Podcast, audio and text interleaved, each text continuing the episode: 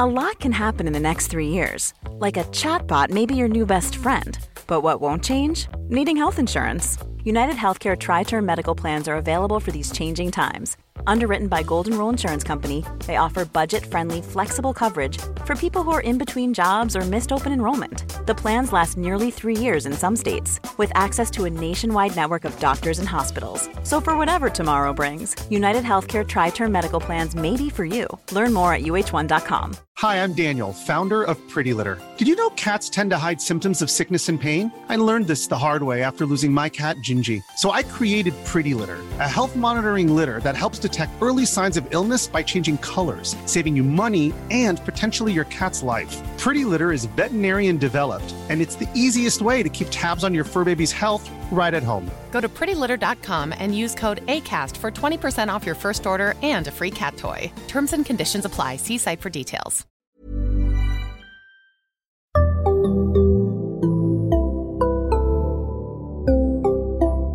Barnpsykologerna. Välkomna till ett nytt avsnitt av Barnpsykologerna, en podcast med Liv Srirsky och Lars Klintvall. Idag ska jag intervjua dig Lars eh, och vi ska tala om autism eftersom du är expert på småbarn med autism. Mitt favoritämne. Ja, Äntligen. berätta för oss vad är autism? Eh, ja, alltså det finns ju lite olika syn på vad autism är. Alltså definitionsmässigt vad autism är, det är när en person har brister i social, eh, sociala förmågor eller sociala färdigheter. Som oftast är typ språk eh, eller finlir i interaktion. Typ läsa av ansiktsmimik eller när det gäller små barn är det sånt som så här, leka låtsaslekar. Eller när det är större barn så är det typ ha en konversation eller veta hur man skaffar kompisar eller hur man kommunicerar med kompisar. Sånt där. Det är ena halvan, man måste ha brister i det. Och den andra halvan är att man måste ha för mycket av eh, repetitiva beteenden eller intressen. För små barn kan det vara att man liksom bara leker med en viss leksak. Snurrar på ett hjul hela tiden. Liksom. 20 minuter i sträck. Liksom.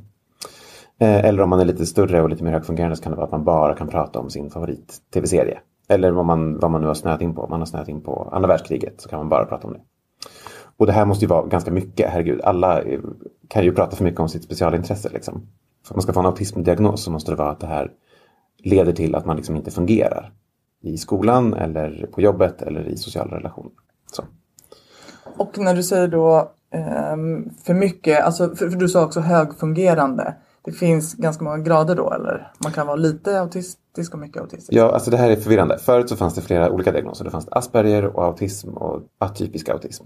Och sen har man bestämt sig för att vi kommer inte kunna skilja på de där. Så vi kallar alltihop bara autism. Så man kan ha mer eller mindre av de här problemen. Och det är liksom det som kallas autismspektrumet.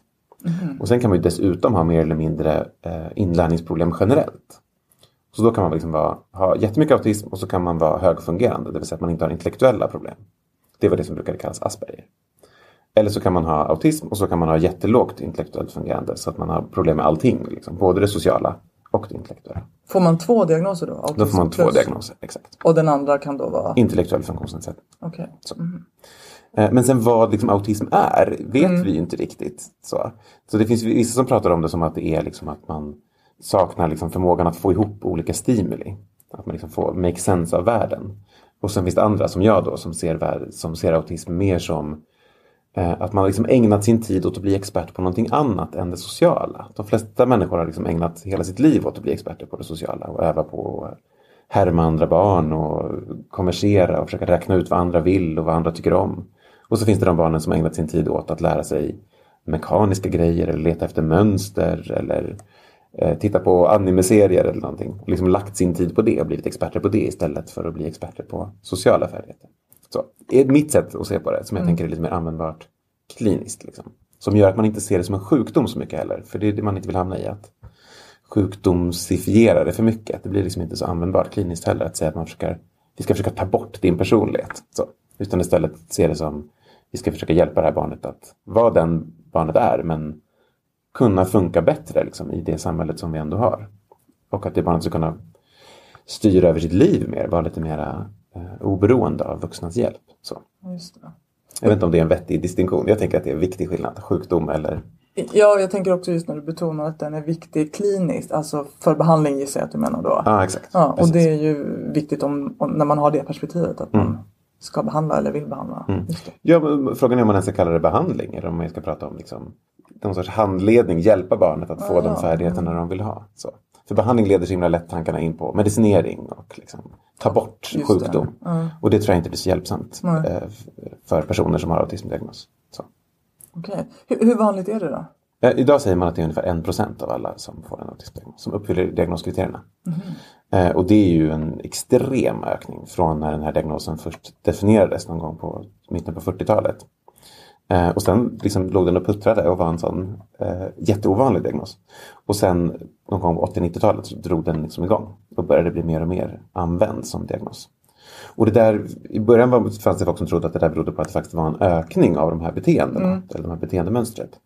Om man började prata om autismepidemi, att prata om det som en sjukdom. Men så tror jag, därför är vi ganska säkra på att det är bara en fråga om att hur man väljer att applicera diagnoskriterierna. Och det finns också en glidning i att man oftare nu använder autismdiagnosen hellre än intellektuell funktionsnedsättning till exempel. Och vi har liksom också andra krav idag på att i skolan hur bra ett barn måste funka socialt. Eftersom skolan är mycket mera ostrukturerad, liksom lös idag. Och då ramlar de här barnen ut och märks mycket mer. Vilket de inte gjorde för 20 år sedan när skolan fortfarande var lite mera sitta i sin bänk, göra det man blev åtsagt. Så. Så de här barnen har funnits i lika hög utsträckning men de har inte, det har inte blivit ett problem för dem att ha de här beteendemönstren för att man har inte krävt av dem att de... Ja, eller det, kan, det har säkert varit problem för dem, men det är inte ett problem som man har valt att lösa inom psykiatrin. i alla Nej, fall, okej. sätta diagnos. Ja, Så. okej. Och i den mån man har satt en diagnos så har man satt andra diagnoser. Intellektuell funktionsnedsättning Mhm. till exempel har varit en stor. Vad är fördelen med att kalla det autism istället för intellektuell funktionsnedsättning då? För att det sätter väl fokus på att det är just de sociala färdigheterna som man behöver träna på. Om man är en person med normal begåvning och en autismdiagnos. Det är inte det att man har svårt att lära sig läsa och räkna och göra skolarbetet bara man får förutsättningarna. Liksom. En lugn miljö som inte är för stimmig. Eh, inte för mycket, liksom många olika uppgifter som är lite oklart formulerade. När man får till allt det där så man får en strukturerad miljö och någon som kan prata till en på ett sätt som man kan förstå det. Då kan de här barnen lära sig saker. Om, om man bara har autism. Sen finns det en massa barn som har autism. Och intellektuell funktionsnedsättning. Och de måste ju ha eh, specialpedagogik för det också. Liksom. Just det. Just det. Vad, vad beror det på då? Varför får man det här? Jag tror man kan säga att vi vet två saker. Vi vet att det är genetiskt, även om vi inte vet exakt hur den genetiken ser ut. Om vi säger att ett av tio barn kan vi säga, det här är den genetiska variationen som gör att det här barnet utvecklar autism. Till exempel om man har en skada på sin X-kromosom, fragilt X. De barnen får ganska ofta en autismdiagnos. Men i övrigt vet vi inte, vi vet att det liksom är gener, för vi vet, ser att det går i familjer. Så det är antagligen liksom att man har, samlar på sig ett gäng riskgenvarianter som gör att man utvecklar autism. Så i familjen är det stor sannolikhet att det finns fler än en som har Precis. Okej. Om en familj har fått ett barn med autism så är det ungefär en chans på fem att nästa barn också får en autismdiagnos. Kan man säga. Brukar föräldrar själva känna igen sig? Ja, det är klart, det är jättevanligt. Absolut. Eh, Och när man träffar föräldrar så kan man ju såklart känna igen drag också. För då kan man tänka sig att de föräldrarna inte har fått diagnosen då eftersom de kanske är äldre än födda på 80-talet. Ja, men exakt. Och- exakt. Och får diagnosen senare i livet kan det ju vara. Men sen finns det ju massa barn som inte har någon genetik på det här utan det här är en ny mutation. Eh, Så det finns ingenting i familjen. Eh, Så det vet vi att det är någonting genetiskt. Och vi vet också att det inte är föräldrastil. För det var liksom den teorin fram till eh, början på 90-talet. Så var det att det var kylskåpsmammor sa man. Som var liksom känslomässigt avstängda mammor var idén. Och de fick barn som liksom slöt sig i sina autistiska skal. För att de inte stod ut med smärtan av att ha den här kalla mamman. Och det är vi helt säkra på att det inte beror på det. Eh, och det vet vi för att vi det finns adoptionsstudier och det finns eh, ja, men bara det att det finns eh, familjer med flera syskon. Och det är bara eh, ett barn som utvecklar autism trots att de har haft samma föräldrar. Eh, och man kan också gjort observationer på föräldrar och sett att de har inte en annorlunda föräldrastil än andra föräldrar. Så det vet vi. Vi vet att det är något genetiskt och vi vet att det inte är föräldrastil. Och vet vi om det är vaccin? Vi vet också att det inte är vaccin. Och vi vet att vi har lagt ner miljoner kronor på forskning för att ta reda på att det inte var vaccin. Helt i onödan allvarligt talat. För studierna i början som sa att det var vaccin, de första liksom varningstecknen. De var ju bara baserade på att barn fick vaccin när de var ungefär tre år. Och ungefär då är det också den åldern som föräldrar brukar oroa sig. De märker sig, ja mitt barn verkar halka efter. Så då gjorde folk kopplingen. Det kanske i och för sig inte är helt orimligt då. Symptomen uppträder, det var ungefär samtidigt som barnen fick vaccin. Det kanske hänger ihop. Så.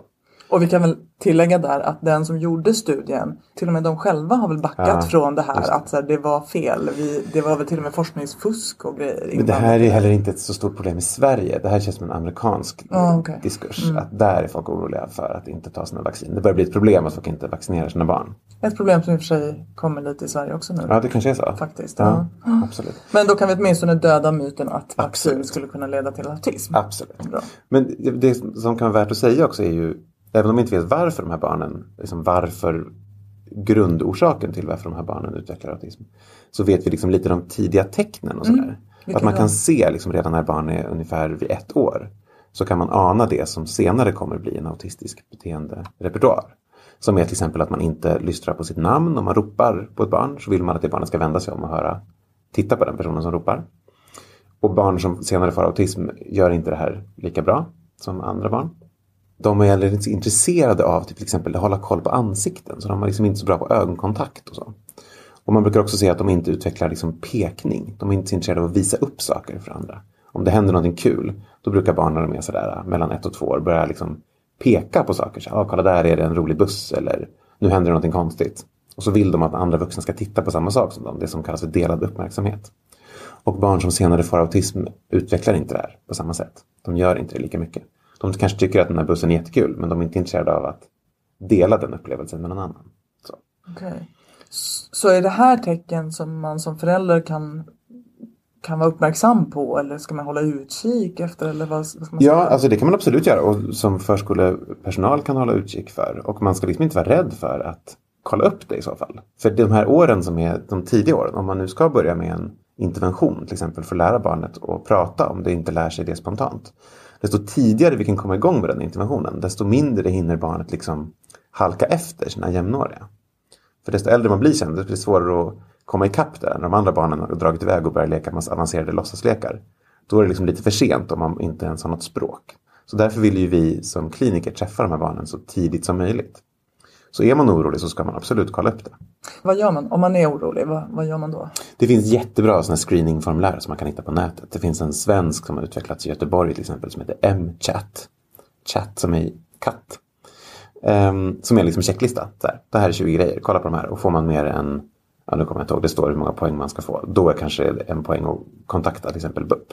Så, och den kan man googla bara? Den kan man googla. Det finns jättemånga bra screeningverktyg eh, för autism. Absolut. Det kan ju vara en poäng att jämföra med andra barn som är av samma ålder. Om man till exempel är förälder och det är ens första barn eller ens enda barn. Då kan det vara svårt att veta vad man ska jämföra med. Då kan det finnas en poäng att liksom titta på det barnet i interaktion med andra barn. Är ens barn intresserad av andra barn? Tar en sociala initiativ? Och så kan man liksom jämföra det med hur de andra barnen verkar bete sig. Om man nu tycker att ja, men mitt barn är inte riktigt som andra barn. Och så om man skulle göra någon form av utredning när det här barnet är kanske ett år Mm. och få, få klart att nej men det här verkar inte vara autism. Kan man lita på det då eller kan det vara så att nej, men hade man gjort utredningen när barnet var ett och ett halvt då hade man sett att det var autism. Alltså finns det en risk att om man utreder för tidigt att man missar något? Ja, det är klart att det är en risk. Alltså, barn kan utveckla det här upp till att de är tre år. Det finns fall som liksom går tillbaka i sin utveckling så att allting går bra och sen så går de tillbaka så att de slutar ha språk till exempel. Och då kan man ju säga att det, var, det hade inte varit någon poäng att utreda det barnet när det var två eftersom problemen kom senare. Fast då hade man heller inte sett tecknen när barnet Nej, det var hade två. varit omöjligt att veta det. Men du menar att om man väl ser tecken och barnet är ett. Om man då gör en utredning och säger att det inte är autism. Ja. Då var det inte autism, då var det Ja. tecken på något annat. Men jag tror att det också är så här, det är ganska tydligt att i forskningen att vi är rätt bra på att säga att det är någonting med det här barnet, någonting med utvecklingen som inte funkar. Men vi är inte så bra på att kunna säga var det kommer landa. Om det kommer landa i att det här barnet får en ADHD-diagnos eller intellektuell funktionsnedsättning eller autism. till exempel. Okej. Så man kan säga att det är någonting med det här barnets utveckling. When you're ready to pop the question, the last thing you want to do is second guess the ring. At Bluenile.com, you can design a one of a kind ring with the ease and convenience of shopping online. Choose your diamond and setting. When you find the one, you'll get it delivered right to your door. Go to Bluenile.com and use promo code LISTEN to get $50 off your purchase of $500 or more. That's code LISTEN at Bluenile.com for $50 off your purchase. Bluenile.com code LISTEN. Hi, I'm Daniel, founder of Pretty Litter. Did you know cats tend to hide symptoms of sickness and pain? I learned this the hard way after losing my cat, Gingy. So I created Pretty Litter, a health monitoring litter that helps detect early signs of illness by changing colors, saving you money and potentially your cat's life. Pretty Litter is veterinarian developed, and it's the easiest way to keep tabs on your fur baby's health right at home. Go to prettylitter.com and use code ACAST for 20% off your first order and a free cat toy. Terms and conditions apply. See site for details. Everyone knows therapy is great for solving problems, but getting therapy has its own problems too, like finding the right therapist, fitting into their schedule, and of course, the cost. Well, BetterHelp can solve those problems. It's totally online and built around your schedule. It's surprisingly affordable too. Connect with a credentialed therapist by phone, video, or online chat, all from the comfort of your home. Visit betterhelp.com to learn more and save 10% on your first month. That's BetterHelp, H E L P. Som är lite off. Vi kommer inte kunna säga vad förrän barnet är två, tre år kanske. Och ADHD ännu senare. Eh, Men då är det ändå bra att veta att det barnet har en utveckling som inte är den som man förväntar sig. Så att man ändå kan börja träna på språk om språket inte verkar komma spontant. Eller imitation om det inte verkar komma spontant. Så att man ändå liksom inte bara sitter och väntar utan ändå kommer igång med lite interventioner. Trots att man inte har en spikad diagnos. Hur går en utredning till då? Jo, det man vill göra då det är att man vill kolla av de här diagnoskriterierna. Om barnet har stora förseningar inom liksom, social interaktion och om de har det här överskottet på liksom, repetitiva beteenden. Eh, så det en psykolog gör är att den dels gör en, en, någon sorts, om det är ett litet barn i alla fall, en strukturerad observation. Som är att man kommer in till en eh, utredningsenhet och så är det ofta att man är liksom i ett lekrum. Barnet leker, psykologen tittar på när barnet leker. Eh, och liksom testar att så här, ah, vad händer om jag försöker leka lite låtsaslek? Hakar barnet på? Jag har en rolig kaka, en god kaka som barnet vill ha. Hur försöker barnet kommunicera att den vill ha kakan? Och då tittar man liksom på, försöker barnet kommunicera för att få kakan? Liksom genom och göra ljud eller säga någonting? Eller försöker den bara ta kakan och liksom sträcka sig? Liksom om den gör några kommunikativa försök. Eh, så man liksom kollar av de diagnoskriterierna. Och sen gör man oftast en begåvningsbedömning för att kunna se om det här bättre går att förklara med att barnet bara är generellt försenat i sin utveckling. För då kanske det var mer relevant att prata om en intellektuell funktionsnedsättning. Eller om det är just det sociala som är förseningen. För då blir det relevant att prata om autism. Så det är oftast det att man gör både begåvningsbedömning och en sån autismspecifik observation. Vad heter de här testerna? Eh, Begåvningsbedömningarna heter saker som VISK eller VIPSI eller Griffiths. Lite beroende på vilken psykologen väljer att använda. Och de här autismspecifika grejerna heter är en väldigt vanlig. Och så finns det en intervjuguide som heter ADI. Som är att man, eh, psykologen intervjuar oftast föräldern och frågar liksom, hur var det? Kan han, eh, det här barnet eh, följa pekning? Om du pekar på någonting, tittar han på den saken också? Lite sånt. Så oftast är det ju väldigt stor del att man blir intervjuad som förälder. Och har psykologen möjlighet så kommer de oftast ut till förskola och tittar på förskolemiljön. Men nu pratar jag om små barn. När det är äldre barn då brukar det vara oftast en begåvningsbedömning också. Då är det oftast VISK. Och sen kan det vara att man gör, det är också EIDOS, den heter också EIDOS, det är förvirrande. Fast då blir det mer av att psykologen och barnet man utreder sitter och samtalar. Och eh, psykologen liksom frågar mer, hur brukar de här situationerna bli för dig? Och då kanske man inte gör en skolobservation om barnet är liksom över tio år. Eller något sånt där. Eh, Men principen är liksom samma, att man försöker kolla av så att barnet har problem inom de här områdena som vi kan sätta en autismdiagnos på. Och då är det också helt olika problem, alltså de sociala problemen för ett litet barn och de sociala problemen för ett stort barn ser ju helt olika ut.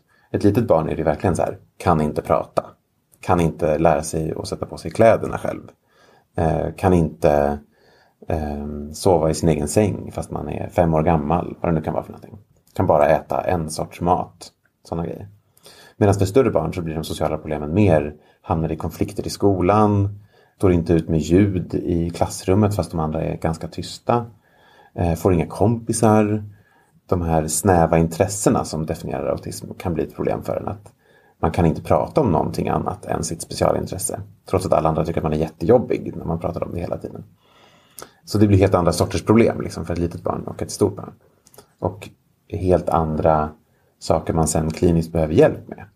Det är en helt annan sak att träna ett litet barn i att få sitt första språk så den kan liksom be om sin favoriträtt eh, till middag. Och ett stort barn som handlar mer om Eh, hur ska jag ta sociala initiativ? Liksom? Hur gör jag för att fråga någon om den vill hitta på något kul i helgen?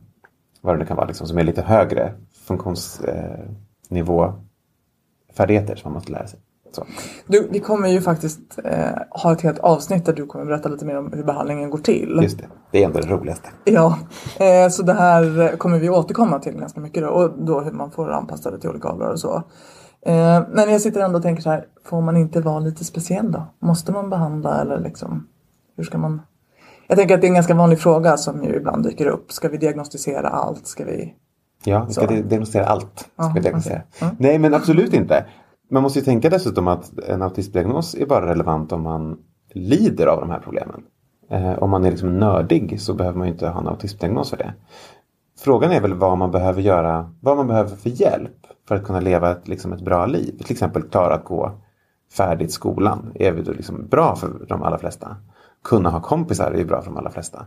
Och då tänker jag att både en utredning och sen behandling måste syfta till att hjälpa personen med det den känner att den behöver hjälp med. Och sen ett litet barn kan ju inte själv bedöma att den kommer behöva ett språk. Så. Men vi som vuxna måste vara vuxna och ta ansvar för att ditt liv kommer bli bättre om vi lite pushar dig nu för att ha ett fungerande språk. Också för att om man inte lär de här barnen ett fungerande språk så utvecklar man ganska snabbt problematiska beteenden för att påverka sin omgivning. Alltså ilskeutbrott. Eh, det kan vara att man har liksom utvecklat självskadebeteenden för att kunna få sin omgivning att, för att liksom påverka sin omgivning och få saker som man vill ha det.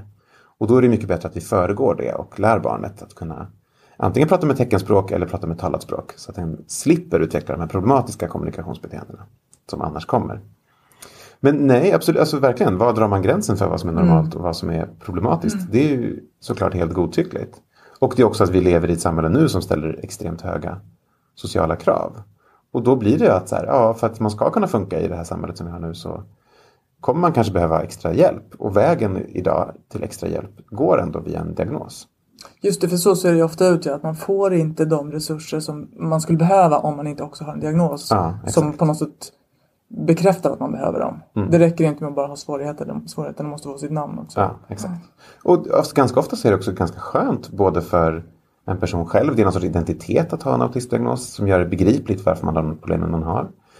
Eh, Och det blir begripligt för andra närstående omkring en. Alltså det är ändå ett, så här, man måste komma ihåg den här personen har en autismdiagnos och då måste vi komma ihåg att ha lite mer struktur på det här. Vi kan inte hålla på att ändra planer hit och dit för då blir det jobbigt.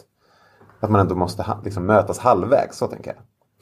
Och det där är väl, känner vi väl igen från nästan alla diagnoser. De har ett kommunikationsvärde. Ja, ja, Alltså. Om vi kallar saker för något då vet vi att aha okej då pratar vi nog om det här. Då brukar vi göra så här. Sen, sen säger inte det så jättemycket alltid om en unik individ. Exakt. Men lite övergripande så blir det ändå ett sätt att prata. Och det, Ja, men också eftersom vi vet så lite om vad autism beror på. Jag tror att de allra flesta som håller på med autismforskningsfältet tänker att om 10, 20, 30 år så kommer vi inte ha en autismdiagnos. Utan då kommer vi liksom hitta ett sätt att dela upp det här på. Så att det, det finns liksom olika sorters autism. Det där har man försökt tidigare och inte lyckats med. Men så det måste vara det man hade då med högfungerande och Ja men exakt. Och det fanns massa idéer om att det fanns tre sorters autism och sådär. Den konstiga, den tysta, ja du vet så här. Som inte funkade för de blandades ändå ihop så det blev inte meningsfullt. Men jag tror att alla tänker att i framtiden så kommer vi veta så här, det finns den här sortens autism, den här sortens autism, den här sortens autism och de kommer behöva lite olika sorters hjälp. Vi kan liksom veta det redan från början. Så. Men idag vet vi ju förvånansvärt lite med tanke på hur mycket vi har forskat på det. Vad är prognosen då? Hur går det för de här barnen? Jättesvårt att veta. Dels är det svårt att veta för att de, eftersom vi diagnostiserar andra barn idag än vad vi gjorde tidigare. Så andra barn får autismdiagnosen. Ehm, och sen är det väldigt, väldigt variabelt. Man kan vara ett, ett barn som inte pratar alls tills den är fyra år. Och sen om man får en intensiv hjälp på till exempel språkträning så lyckas man få ett fungerande språk. Man kanske liksom inte får ett, kanske inte blir expert på nyanserna i språket. Liksom. Ehm, men man kan liksom lära sig prata. Och sen finns det barn som får jättemycket hjälp och som inte lyckas lära sig så mycket av de här färdigheterna. Och då tror jag att det viktigaste man måste komma ihåg är att fokus hela tiden är på liksom livskvalitet hos det här barnet. Inte att vi ska så här, ta bort autismen från det. Utan att vi måste hjälpa varje barn med de färdigheter det behöver för att kunna fungera. Men det, om man säger det första barnet som du nämner, det som ändå då kan utveckla sitt språk. kan man tänka sig att barnet skulle ha klarat det även utan en behandlingsinsats? Alltså vi har ju gjort, det har gjorts massa studier, liksom, hundratals barn som har gått igenom randomiserade studier och då ser man att det på gruppnivå går bättre för de som får intensiva insatser av sån här beteendeanalytisk sort. Som är egentligen eh, förstärkningsbaserad, att man liksom tar saker som barnet tycker om och så, så kräver man lite av barnet för att det ska få de grejerna. Kommunikationsförsök oftast och liksom ökar den svårighetsnivån gradvis. Och att det går bättre för den gruppen än det gör för gruppen som inte får Ja, det insatser. vet man. Det vet man. Okej, mm. Men för varje enskilt barn så är det jättesvårt att veta. Så om du har 20 barn och de antingen kan få behandlingen eller inte. Då vet vi att det kommer att finnas liksom 10 barn i den gruppen som det kommer gå bättre för statistiskt. Men vi kan ju inte säga det för alla barn, tyvärr. Och det är ju också en anledning till att vi önskar att vi hade haft bättre diagnoser, olika sorters autism. Autism som svarar på den här behandlingen, autism som svarar på den här behandlingen. Men det vet vi inte. På samma sätt som det inte finns någon eh, medicin för autism idag. Som det är mycket möjligt att det kommer finnas om 10-20 år. Pågår det forskning där också? Absolut. Det, det blir tyvärr många besvikelser där. Liksom man tror oxytocin var en jättestor grej för 5-10 år sedan. Det här kommer vara bota autism. Så här. Ja, det har liksom inte riktigt panned out så bra som vi hade hoppats. Liksom. Ehm, men det kommer ju säkert fortsätta att komma. Och ehm, det kan man säga att i någon mening har vi medicin för till exempel fenylketonuri som var en diagnos som vi idag, vi tar blodprov på barn när de föds. PKU-testet som man gör på nyfödda barn. Genom att ta PKU-testet så vet vi att det här barnet kommer behöva en speciell diet. Som gör att de inte utvecklar ganska grava hjärnskador. Och de barnen fick ganska ofta autism tidigare. Så i någon mening kan vi säga att vi idag vi har en preventionsbehandling som funkar superbra. Som gör att vissa barn inte utvecklar autism. Så i framtiden kommer vi kanske kunna ha fler sådana. Att vi kan upptäcka, okej det här barnet har den här genuppsättningen. Då måste vi redan direkt när barnet är sex månader sätta igång med den här medicinska behandlingen. Eller med den här eh, beteendeanalytiska behandlingen. Så att barnet aldrig utvecklar autism. Skulle vi ju önska. Liksom. Men det är osannolikt att vi kommer kunna ha en medicin som botar autism när man är stor, när man är vuxen. För då har man redan halkat efter så mycket i alla de här sociala färdigheterna som man inte har lärt sig. Det är svårt att ta ett piller och lära sig grammatik. Liksom. Så medicinen, det skulle ju vara grejer. Det skulle vara jättenice. Nej men det tror jag ingen tror att det kommer funka. Sen så medicinen blir att ge då till så fort som möjligt. Ja, det tror jag. Men då kan man säga att det finns, det tänker jag betona ännu mer vikten av att utredningen görs tidigt. Ja, men sen kan det ju finnas att man får medicin för andra saker. De här barnen har ganska ofta sömnproblem till exempel. Och då kan det vara att man får melatonin för att hjälpa en att sova hela natten så att man inte har problem med uppvak till exempel. Eh, eller om man har väldigt mycket ångest. Eller känner sig nedstämd, vilket är ganska vanligt att de här barnen får problem med eh, när de blir äldre. När de blir tonåringar och sådär. Då får man ju behandling för det. Eh, ganska många av de här barnen, särskilt de lågfungerande, utvecklar epilepsi i tonåren. De lågfungerande. Och då får man ju såklart behandling för det. Men det är ju inte medicin för autismen egentligen. Det är ju behandling för associerade problem som man kan ha. Och epilepsi är då ett som är ganska vanligt ihop med just autism. Ja, för, folk som, för de personerna som är lågfungerande. lågfungerande också. Och det är ju för att man har någon sorts hjärnskada som gör att man får epilepsi och som gör att man får svårt att lära sig sociala färdigheter. Så att det är inte autismen som gör att du får epilepsi. Det är ju någon underliggande neurologiskt som gör att du får båda de här problemen. Och det skulle man kanske då kunna hitta något medicinskt för en dag. Vad det nu kan vara. Underliggande neurologiska. Ja, och det kommer ju vara olika för alla olika barn. Det kommer ju finnas hundra olika sorters underliggande neurologiska tillstånd som leder till att man har problem att lära sig sociala färdigheter. Det låter ju som att det här är ett forskningsfält som kommer attrahera forskare under en lång tid. Det, absolut. Många. Ja, ja, det är ju jättestort. Det har ju växt hur mycket som helst. Ja, vad spännande. Vi ska sätta punkt för Ja. idag. Eh, och som sagt, du kommer tillbaka och pratar om behandling. Så håll utkik på eh, våran Facebook, Barnpsykologerna. För Mm. där kommer vi skriva när det är dags. Tack för idag Lars. Tack detsamma. Kul att få prata om sitt specialintresse. Ja, och tack till alla er som lyssnar. Vi hörs snart igen. Hej då! Hej då! Ett boktips på det här med konkreta övningar för pedagoger och för föräldrar är boken Leka, prata, äta som jag har varit med och skrivit. Eh, Det finns en länk till den i avsnittsbeskrivningen. Hi, I'm Daniel, founder of Pretty Litter. Cats and cat owners deserve better than any old fashioned litter. That's why I teamed up with scientists and veterinarians to create Pretty Litter. Its innovative crystal formula has superior odor control and weighs up to 80% less than clay litter. Pretty Litter even monitors health by changing colors to help detect early signs of potential illness. It's the world's smartest kitty litter. Go to prettylitter.com and use code ACAST for 20% off your first order and a free cat toy. Terms and conditions apply. See site for details. Hi, I'm Daniel, founder of Pretty Litter. Cats and cat owners deserve better than any old fashioned litter. That's why I teamed up with scientists and veterinarians to create Pretty Litter. Its innovative crystal formula has superior odor control and weighs up to 80% less than clay litter. Pretty Litter even monitors health by changing colors to help detect early signs of potential illness. It's the world's smartest kitty litter. Go to prettylitter.com and use code ACAST for 20% off your first order and a free cat toy. Terms and conditions apply. See site for details.